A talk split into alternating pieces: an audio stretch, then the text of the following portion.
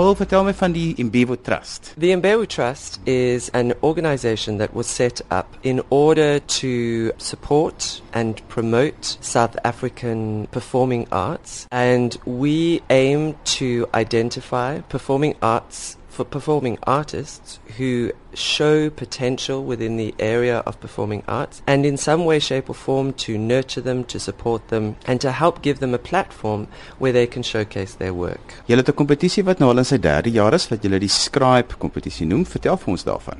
Uh, ons het die Scribe kompetisie begin omdat ons wil graag die skrywers van Suid-Afrika uh, vind en ondersteun. So we started this competition to throw open the arena for writers who were interested in writing for the stage. We started it in 2012 and we had quite a number of plays that were entered and we offered a single production called Chickens by Gabriela Pinto which was then given a production funded by the Mbewu Trust. Verlede jaar het ons die kompetisie verander 'n klein bietjie. Um en ons het nie een skrywer geondersteun. Ons het drie verskillende uh, skrywers gevind and we then created a platform where these performances were showcased to an audience and there was some sort of audience participation and discussion with the writer and the actors and the audience. And this year we are doing a similar thing as we did last year. There will be a single play that will be produced and will be funded by the Mbewu Trust to create the production and that production will take place in 2015. There will be a writer whose play shows potential that will then be developed by a, a series of workshops and people and then we will identify a writer whose play may not be a particularly strong finished product but we can see that the writer has potential and we will then offer a mentorship program for that writer. Vertel gou vir ons waar mense inligting kan kry.